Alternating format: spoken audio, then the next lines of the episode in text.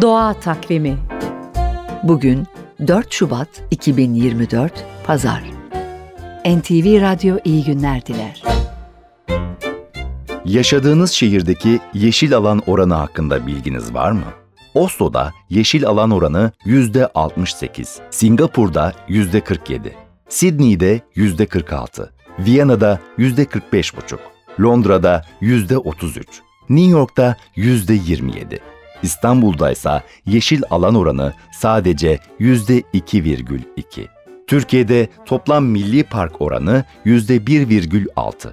Oysa dünyada milli park statüsünde yani korunan alan ortalaması %17.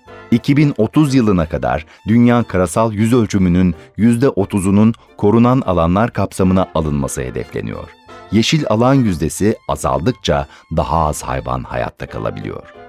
Profesör Doktor Kaan Şekercioğlu, kurtların ne yaparsanız yapın şehirde yaşayamayacağını ama şehirde yaşayabilen hayvan sayısını çoğaltmak için parkları artırmak, bitki örtüsünü doğal haliyle korumak, doğal türlerin yetişmesini ve korunmasını sağlamak gerektiğini söylüyor. Şekercioğlu'nun dikkat çektiği önemli bir konuda göze hoş gelen şehir parklarının bazen ekolojik tuzaklara dönüşmesi.